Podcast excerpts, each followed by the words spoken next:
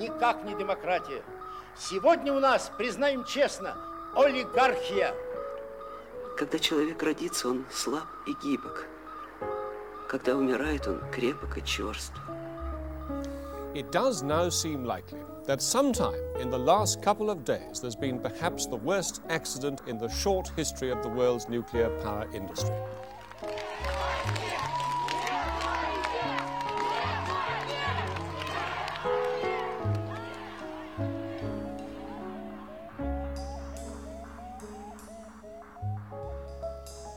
Kæru hlustendur, velkomin í Rús, þátt um Rúsland og rúsneska menningu í skugga innrásar. Skaldið Ingibjörg Haraldsdóttir vann ómetanlegt þýðingastarf í þáu íslenskra menningar og í dag ætlum við að fjalla um ljóðaþýðingar hennar á tveimur rúsneskum skaldkonum, Önnu Akhmatovu og Marínu Tsvetæfu. Akhmatova var fætt 1889 og lést 1966. Hún var einn þeirra sem flýði ekki land heldur, livði af heimstyrjaldina síðari og valda til Stalins. Marína Tsvetæfa var nokkrum árum yngri og auðnaðist ekki jafnlaung æfi og Akhmatovu. Hún var útlægi í Tjekkoslovakíu og Fraklandi en hengdi sig skömmu eftir hún snýr aftur til Sovjetríkjana.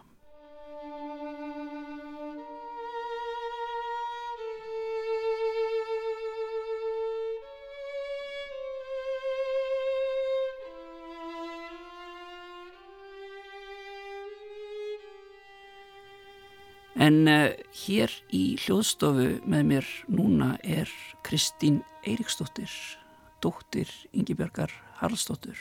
Ertu velkomin? Takk að fyrir. Nú, þetta byrjaði svolítið sakleisislega að ég var að leita mér að lesara til að lesa þessar uh, ljóðaþýðingar Ingibjörgar. Mamma þín var náttúrulega stórkoslegur lesari og, en, en uh, þessar þýðingar á hennar eru ekki til lesnar, þannig að þá var fyrsta mannski sem ég dætt í hug að leita til þú og ég fór bara að hugsa um ykkur maðgur og hvernig þið hafið tengst í gegnum skáldskapin og, og þessar þýðingar hann er mér langa bara kannski til að byrjaði að spyrja þig bara hvað gerðist innra með þér þegar ég hafði samband við þig og baði um að tala um mömmuðina og, og þetta þýðingarstarf hennar og, og þetta svona samband ykkar í gegnum skaldskapin? Já, ég hérna hef verið bara mikið að velta þessu fyrir mér og, og svona ég les alveg ljóðin hennar svona jæmt og þétt og það er náttúrulega merkjað í raunin að eiga svona rötti út af því að móðum minn er látin að þá á ég samt einhvern veginn röttin hennar svo sterkar sko í þessum ljóðum. Og ég held ég að einhvern tíma að tala um það við þig að mér finnst ég líka eigana í þýðingunum á einhver leiti að það er að hérna rött þýðandans hún heyrist alltaf með höfundarött um, verksens góð þýðing er svona þegar að, þegar að það er bara uh, svona harmonía í því hvernig þessar rattir bara blandast saman. Og, og þannig að mér finnst ég alltaf að heyra í mömmu með Dostojevski eða, eða Tjekov eða, eða hverjum það er eða Marinu.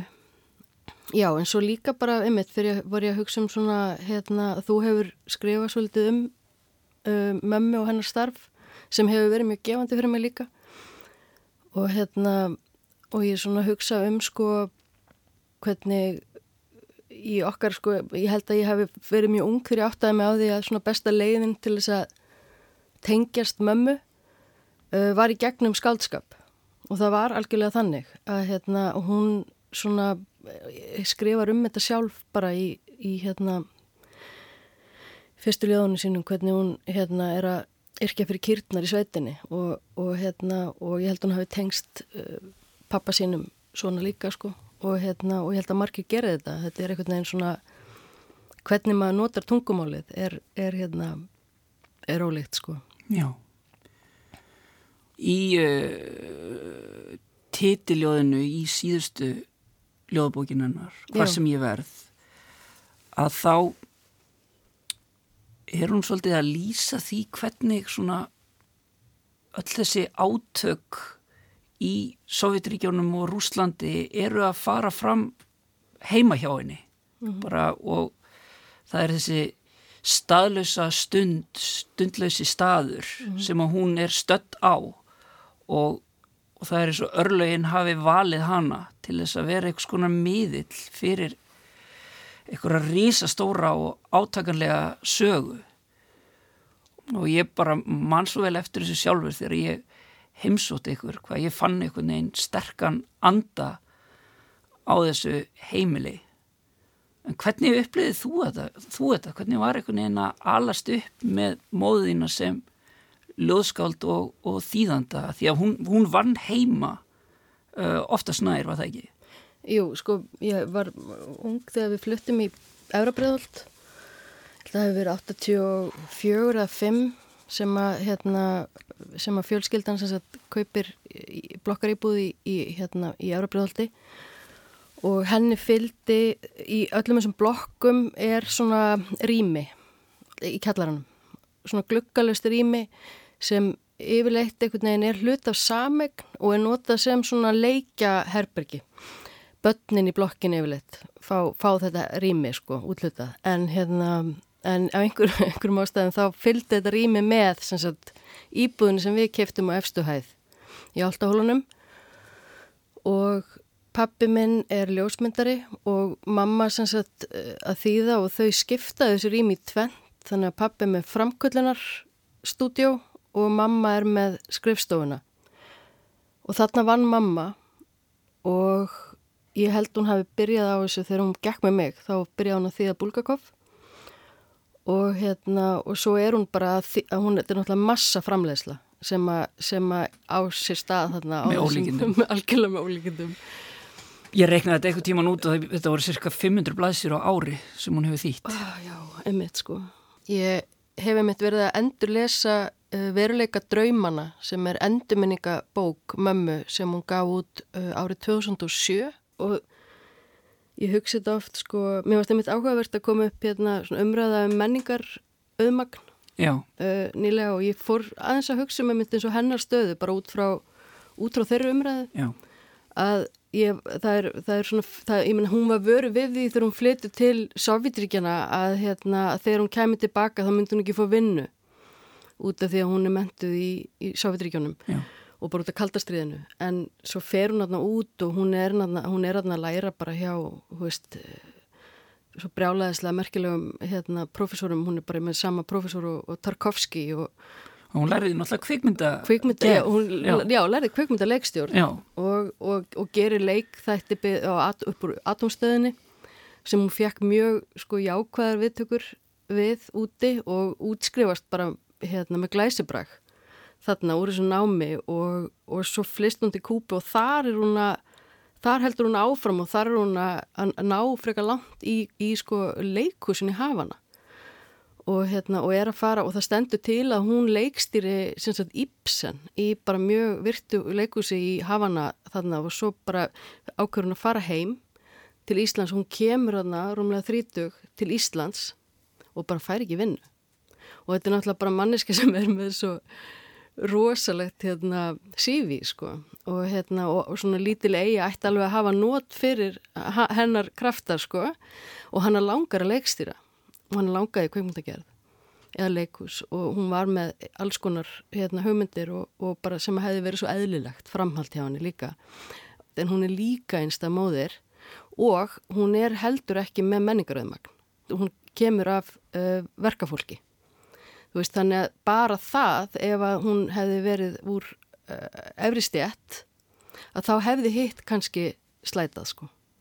Já. Út af því að það er ímislega sem slættar ef að maður er með rétta fólki í kringu sig á Íslandi. Já, ummitt. Þannig að hérna, þetta er í raun það sem að gerist og svo, og svo bara líður einhver tími og hún svona áttar sig á því að þetta er ekki að fara raungerast, þetta er of uh, erfitt að komast að hérna um, í hennar fæi. Þannig og þess vegna eigum við allar þessar bókmyndir uh, rúsnesku á íslensku. Og það er, þetta er, og þetta er einhvern veginn þetta starf sem hún er að vinna, þetta er náttúrulega þrekverki algjört. Algjört trekverki og hún gerir það aðalega þarna í þessari kjallaríbúð í Altahólunum sko. Um, Já, þegar ég komst að því að Helgi Haldansson, Shakespeare þýðandi Íslands og, og Ingebjörg Karlsdóttir byggu bæði í Efra Breðaltinu og Já. þá dætt mér í hug þessi frasi að þýðingar á heimsbókmyndum eru Efra Breðalt íslenskra bókmynda. já, algjörlega það er bara Þetta er alveg gín alveg hátt yfir öllu en samt er þetta alveg rosalega útundan já, í umræðinni en eins og þú segir, þetta er bara alveg gríðalegt auðmagn sem að kemur já, í gegnum þessar þýðingar. Mhm. En hvernig var þetta með þig? Hve- hvernig uh, mannst þú svona hvenar þú fórst að lesa þýðingar mömmuðinnar og hva, hvað hefur svona höfða til þín mest af, af þessu gríðarlega þýðingastarfi hennar?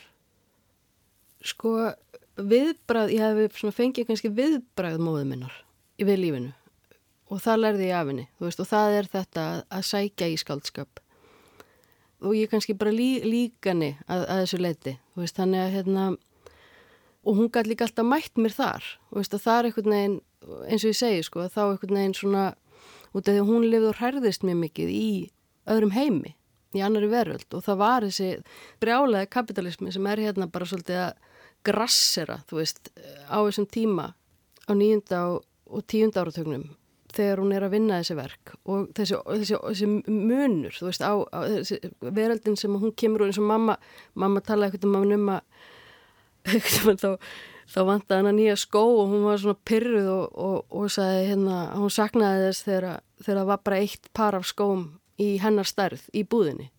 Hún svona nefndi ekki að pæli þessu. Og þarna er hún bara mjög frábröðin öðru fólki í kringum hana. Þú veist, þetta er rosalega menningamunur út af því að hérna okkur á að finna svo eðislegt að kaupa okkur skó, sko, sem mest af þeim. Mm. Þannig að það voru svona, það var svona þessi, já, hún, hún svona skar sig úr, sko. Já, einmitt. Og svo er það náttúrulega þetta merkilega samband sem hún á við Fjótor Dostojevski og hún þýðir sko, sjö skáldsögur held ég alveg örglega eftir hann. Þar af þessa stóru Karmasubræðina, Fávitan, Gleiburefsingu, Djöflana og, og þetta er svo ótrúlegar anstæður. Uh, hún þetta spartanska ljóðskáld sem skrifar stutt ljóð frá lítilli eigu og hann úr stærsta landi heimsins og, og, hérna, og skrifar þessa skáldsögur sem eru svona gríðarlega langar og miklar og þetta er svo ótrúlegur kontrastur en svo er svo ótrúlegur samhljómur í þessum þýðingum hennar á Dostojevski En um leiðir þetta svolítið dulafullt að því að hún skrifaði aldrei um skáldsagnaþýðingar sínar á Dostojevski og ég oft veldi fyrir mér svona hvert þeirra samband var. Já, hann alltaf kallaði Dosti alltaf heima. Já, Það var mjög svona hverstagslegt og hérna og hún var alltaf algjörlega niðursokkin í hann sko. Og ég var einmitt bara mjög nýlega þá bara, hérna líka bara til þess að nefna þessa bók, hún kom út í endurútgáfi nýlega e, bók eftir hann Þorvald Kristinsson um hana aðalheiði Hólm Spans sem að hérna e, hún er svo tíu árum eldri en mamma. Og hún var, var bara mikil verkalýshetja og svona mjög merkileg kona. Flutti til Hollands síðar og ég mæli með þessari bók um, Veistu að þú vinátt heitir hún en hérna hún er að lýsa svona kreppu ástandinu í Reykjavík svona um þetta leiti sem mamma er að vaksa grassi og hérna og, og náttúrulega fáttaktin í Reykjavík á þessum tíma var rosaleg og hafði óbúslega mikil áhrif á mjög marga.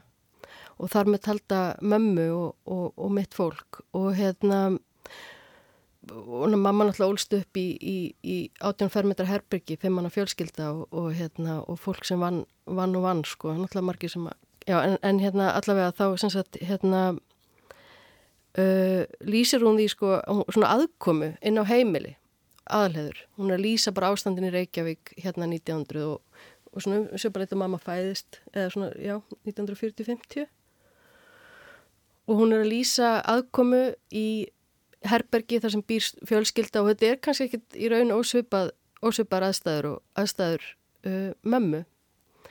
Og hún segir svona í framhjálpi að hún, þetta minnir hana á skáldsögu eftir Dostojevski Já.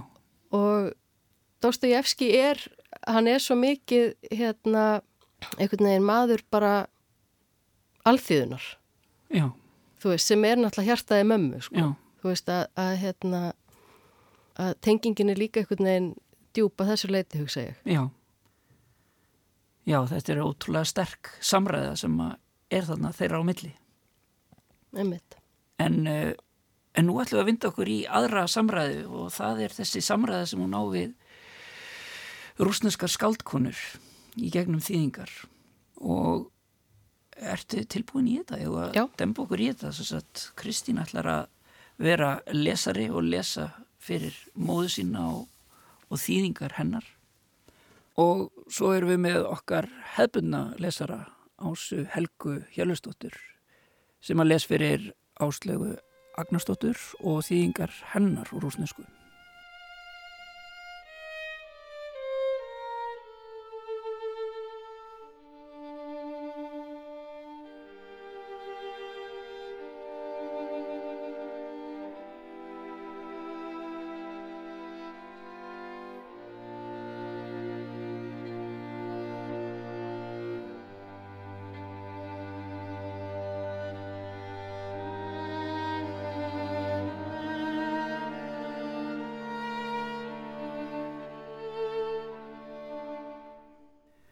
Hugvekja um Ingibjörgu Haraldsdóttur og ljóðaþýðingar úr rúsnesku.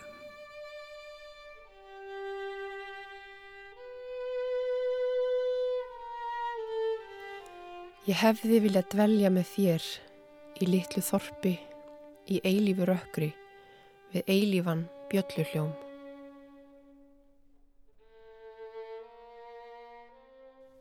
Þannig hefst þýðing Áslögar Agnarsdóttur á ljóði eftir Marínu Tsvetæfu sem nefnist Til önnu Akhmatófu og byrtist í fyrsta tölublaði tímaritsins Skí árið 1990. Tsvetæfa og Akhmatova voru tvær fremstu skáldkonu rúsa á 20. öld. En er ekki hér eins og einn þýðandi sé jafnframt að kalla til annars? Áfram líða skíin á himni íslenskra bókmenta og í sjöunda tölublaði er annað ljóð eftir Tsetajevu að þessu sinni í þýðingu Ingibjörgar. Til helvítis förum við, blóðheitu systur, og heljar tjöruna bergjum, við sem sungum drottni dýrð svo dundi æðum. Við sem ei lutum að vöggu lágri, ný rokkin þeittum um nætur, en sveipaðar skikkjum bárust á brott á bátrippi völdu. Morgun hvern klættumst við kynversku silki og kyrjuðum himneska söngva við ræningja bál. Hannirðum sendum við sjaldan, hver saumur trostnaði fljótt, en blésum í flautur og dansinn stegum drottningar alheims. Tötrum vafðar í dag á morgun, blikandi stjörnur í hári, í dýflissum og danshúsum, himnaríki af hendi létum, fyrir nætur stjörnu bjartar í dyrðilegum eplagarði. Til helvítis förum við ljúfu megar, sýstur góðar til vítis. Ingi Björg þýtti mistarinn og Margarítu eftir Mikael Bulgakov í upphafi nýjunda áratöðurins þar sem djöfullin byrtist í fyrsta kabla og setur allt á annan endan. En þetta ákall, þessi augrandi herkvöld Tsvetæfu til kynsistra sinna er ekki síður djöfuleg. Sem fyrr segir byrtist ljóðið á haustmánuðum árið 1992 í tímaritinu Skí en þá um vorið hafði Áslög byrt grein um Dostojevski þýðingar Ingibjörgar sem ber fleigan titil Dostojevski á meðalvor. Eins og titill áslögar ber með sér fólst þýðingarafreg yngibjörgar á nýjunda áratögnum ekki síst í því að ferja þrjú af helstu verkum rúsneska skaldajöðursins, glæp og refsingu, fávitan og Karamazov bræðina inn í íslenskar bókmyndir. Á samt þýðingum Guðbergs Bergsonar á Cervantes og Marques og þýðingu Tors Viljámssonar á nafni Rósarinnar eftir Umberto Eco. Má segja að þýðingar Yngibjörgar á Dostojevski og Bulgakov hafi valdið sprengingu í íslenskri bókmyndaumræðu við upphaf nýjönda áratörins. Sprengingu sem átti eftir að hafa sín áhrif á íslenskan skáldskap en til hvers er verið að hvetja við upphaf tíunda áratörins? Til helvítis við förum, blóð heitu sýstur. Fyrir ekki að það, það er einn spurning sem er döðu langar að bera fram áður en við hættum. Segir áslög þegar tíminn er að renna út á rittþingi um Yngibjörgu í Gerðubergi árið 2007. Hún hefur með ljóðaþýðingar þínar að gera og þá fyrst og fremst ljóðaþýðingar rúsneskra skáldkvenna. Það er þessi sama spurning sem brennur á vörum okkar í dag. Eru þýðingar Yngibjörgar á Marínu Tsvetaevu og síðar önnu Akhmatovu eitthvað annað og meira enn þýðingar. Auðvut við höfundin sem trana sér fram við hvert tækifæri reynir þýðandin eftir fremsta megni að diljast. Eins og dómar í fótboltaleik er þýðandin fegnastur ef engin mann eftir honum í leikslokk. Það fyrir lítið fyrir umfjöllun um þýðingastarf Helga Haldanossonar, Ingibergar Haraldsdóttur eða annara líkil þýðanda í fimm binda íslenskri bókmyndasögu máls og menningar. En samt skiptir framlag þeirra höfumáli fyrir bókmyndir okkar. Við fyrstu sín kann að verðast sem Ingi Björg hafi ekki mikið tjáð sig um þýðingar og verið lítið gefinn fyrir fræðilega umræðu um þær. Sem dæmi má nefna Dostojevski þýðingar sem hún var reyðbúin að ræða í viðtölum en skrifaði aldrei um út frá eigin brjósti. Þrekvirkinn frá nýjunda áratögnum sem nefnd voru áðan, Gleipur Refsing, Fávitinn og Karmasov bræðinir eru gefin út án þess að þeim fylgir formáli, eftirmáli eða nokkra skýringar á hálfu þýðandans. En hvað um ljóða og leikrita þýðingar yngibjörgar? Leikrit eiga það sameigilegt með ljóðum að best er að þýða þau upphátt og leikrit er bráðunöðsynlegt að þýða með tilþröfum. Lifa sig inn í hlutverkin eins og leikari. Ljóða og leikrita þýðandum er lífsnöðsynlegt, ekkert síður en hvenn riðtöfundunum hennar Virginíu Wúlf að hafa sérherbergi til að vinna í. Helst hljóðeinangrað ef leikritin eru mjög dramatísk. Eins og heyra má, ræðir Ingi Björg um þær tæplega 30 leikrita þýðingar sem hún skilaði um æfina af töffaraskap og í nokkrum hálkæringi. En um ljóð, sérilagi ljóð rúsneskra kvenna, gildir öðru máli. Þegar ljóðskald tekur sig til og fyrir að þýða kveðskap sem ortur er í gjör ólíku umkörfi og allt öðru tungumáli geta ástæðunar verið af ýmsum toga. Skáldið gæti til dæmis haft fræðilegan áhuga á að kynna verk Erlends kollega fyrir sínum eiginlesandum eða jafnvel áhuga því almennt að kynna skáldskap annara þjóða fyrir sinni eigin þjóð. Ástæðan gæti líka verið mun personulegri. Það gæti verið eitthvað í þessum skáldskap sem höfðar beint til þýðandans. Honum gæti jafnvel fundist að þessi ljóð hefði hann sjálfur viljað yrkja. Ástæðunar gætu sem sé verið fræðilegar eða personulegar ellegar sprottnar á allt örum kvötum sem oflangt yrði upp að telja. Ég ætlaði að ljóstra strax upp um ástæðana fyrir því að ég fór að þýða Marínu Tvetsæjefu. Mér fannst hún vera yrkja til mín. Þessi ljóðanar væru ætluð mér. Í fljótu bræði virtumst við þó ekki eiga margt sameigilegt við Marína. Hún var fætt sama ár og amma mín, dóttir hennar dóur hungri á barnaheimili, eiginmaður hennar var pintaður og drepin í fangilsi Stalins og sjálf hengdi hún sig ári áður en ég fættist.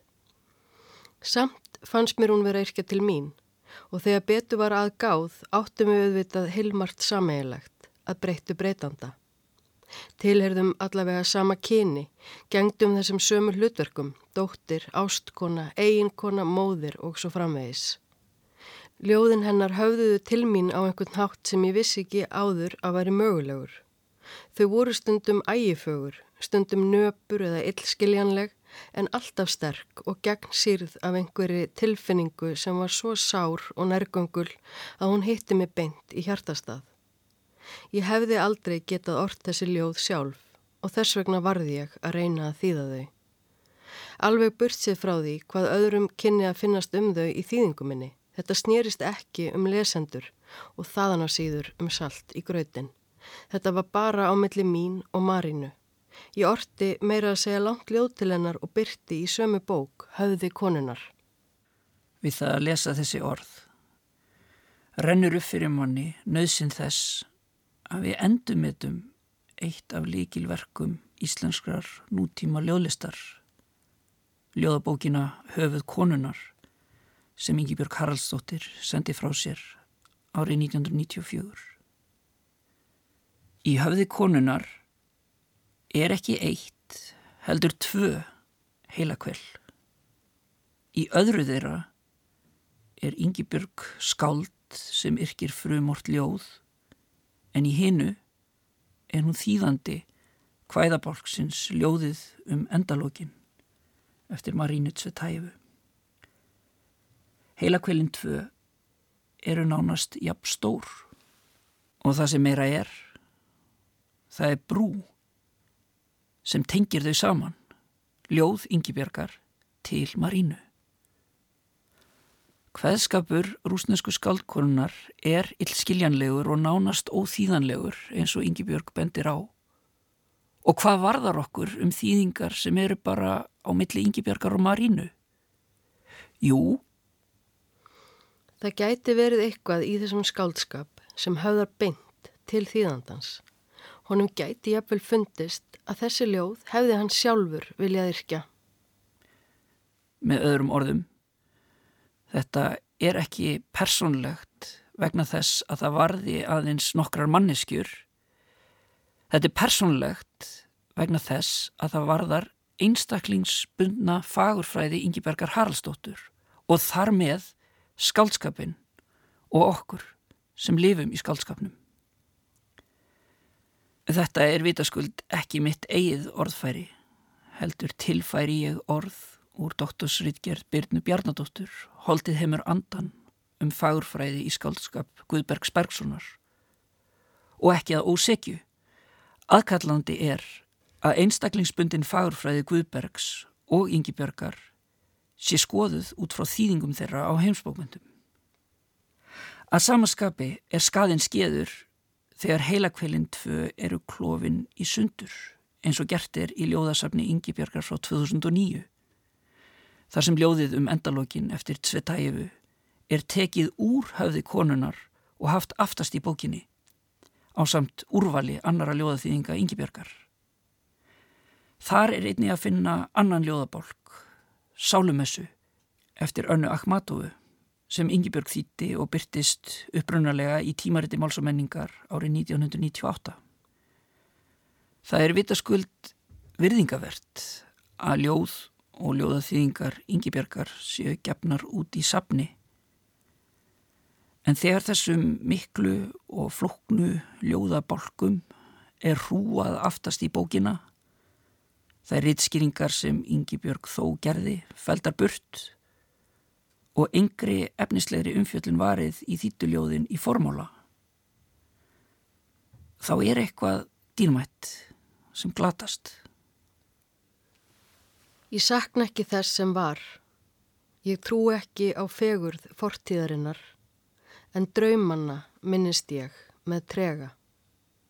Nú þegar kólnar og dimmir og bylið vex millir þess sem er og þess sem átti að verða. Svo hljóðar eitt af þekktustu ljóðum Yngibjörgar Haraldsdóttur, Nostalgía, úr nú eru aðrir tímar frá árinu 1989.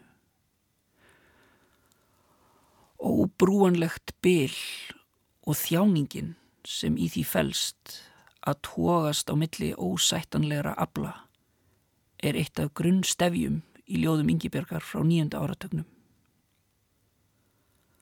Öðrum þræði er þetta vitaskuld hlutskipti kommunistans sem nam í Sovjetríkjónum og bjóa á Kúpu en flytur síðan til Íslands um það leiti sem síðkapitalismin nær flugi hér á landi. En gjáinn er ekki síður tilvistarleg eins og ljóðið Nostalgía er til vitnisum. Fimm árum síðar hveður aftur á móti við nýjan tón eins og strax má heyra í uppafsljóði í höfði konunar. Land. Ég segi þér ekkert um landið. Ég syng engin ættjarðarljóð. Um hellana, fossana, hverina, ærnar og kýrnar um baráttu fólksins og barning í válegum veðrum. Nei, en stattu við hlið mér í myrkrinu, andaðu djúft og fyndu það streyma. Segðu svo, hér á ég heima.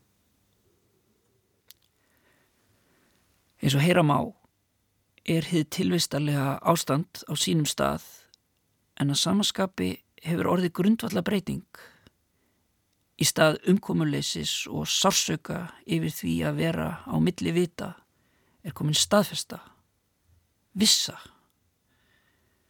Hvað gerðist á árabilinu 1989 til 1994? Jú, Sávidríkin hrundu, kaldastriði leðindi lók og postmodernískir eða poststruktúrlískir tímar raunuloks upp á Íslandi. En hvað með innlendan skáldskap? Vissulega fer fram markþætt úrvinnsla yngibjörgar á ljóðlist Sigfúsar Daðasonar í höfði konunar, svo eitthvað sé nefnt. En hvernig tókst yngibjörgu að brúa bylið, gera sig heimankomna í sprungunni, reyðra um sig í myrkrinu? Svarið er til helvítis við förum blóðheitu systur.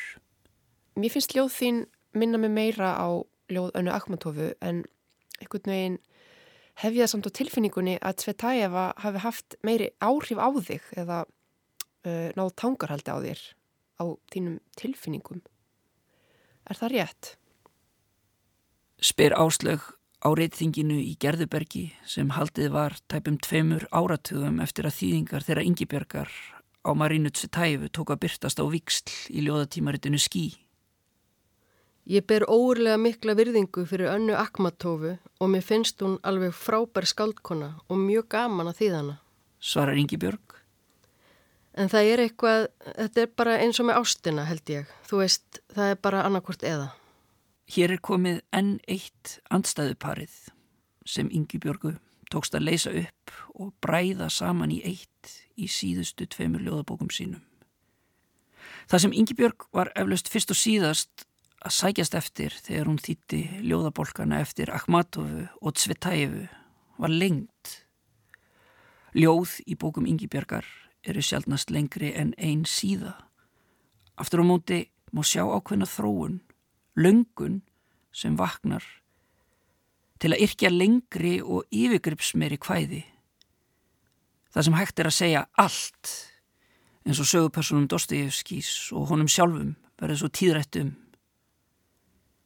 Þetta tókst Yngibjörgu eins og sjámá af frumsömdu kvæðabolkunum tveimur sem er að finna í síðustu ljóðabókum hennar og bera sama titil og þær, höfu konunar og hvar sem ég verð. Af Marínu má læra margt um ástina, ángistina og knappar setningar. En að samaskapi er hún blindgata eins og allt sem er dionísist. Ljóðið um endalókin fjallar um sambandslit, brýrnar í Prag brúa ekki bylið sem skapast hefur á milli elskenda. Skipin sökva sporlust, hljóðlust, í hólar, öldur, myrkurs. Í þessu myrkri gerir Ingibjörg sig heimankomna og skipin sem sökva í lokalínum Marínu mætast í lokalínum titiljóðsins í höfði konunar, skrýða hljóð út úr dimmum þokum og mætast. Eia síður þurfti Ingibjörg að ganga lengra til að geta samþætt áhrifin frá Tsvetæju við sitt upplegg, ljóðlist sem minnir meira á önnu Akmatovu. Sönggiðju tregarófsins. eins og Ingibjörg lýsir henni. Tígulega dömu sem bar ekki sorgina utan á sér, byrgði hana inni og gætti þess vandlega að enginn sæi hvernig henni leið. Ljóðið Sálumessa eftir önnu Akmatovu er, eins og Ingibjörg segir, í aðtúasemt sem numinn er á brott í ljóðasafni hennar. Ljóðabálkur um þjáningar rúsnesku þjóðarinnar á því tímabili sem oftast er kent við Stalin. Skáldið segir frá sinni eigin reynslu sem gefur verkinu persónulega dýft en jafnframt er verið að segja frá hörmungum heillar þjóðar. Líkt og í teksta Ingibjörgar um ástæður þess að eitt ljóðskáld þýðir annað, eru við hér að fá dýrmætar vísbendingar um hvað hún ætlaði sér í eigin skáldskap. Ljóðið um endalókin og sálumessa voru þegar öllu er á botnin kvöld leið Ingibjörgar til að horfast í augu við og yrkja um dauðan. Í hinsta ljóði, hinstu ljóðabókarinnar leggur Ingibjörg allt í sölunnar. Hvæði nefnist Hvar sem ég verð, sem jáframt er titill bókarinnar. Við erum stödd í myrkri, það sem allur tími er saman komin, á stundlausum stað, staðlausu stund. Skáldið segir svo sannarlega frá sinni eigin reynslu, en jáframt er Ingibjörg að greina frá hörmungum heilrar þjóðar. En hvaða þjóðar? Eins og ljóðið land gaf til kynna, syngur hún engin ættjarðar ljóð. Hún á heima í myrkrinu. Ég hefði viljað dvelja með þér í litlu þorpi, í eilífu rökkri, við eilífan bjöllu hljóm. Þannig orti Tsvetæeva til Akhmatovu í þýðingu áslögar Agnarsdóttur og fyrir utan gluggan í sama ljóði fellur snjór, snjór, snjór. Og það er einhver líkara en Anna og Marína standi við hlið Ingibjörgar þar sem hún gengur til móts við örlög sín.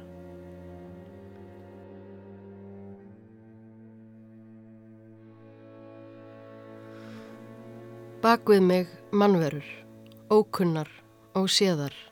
Við erum þrjár, gungum saman til ljósins. Hér er ekkert sem sínist.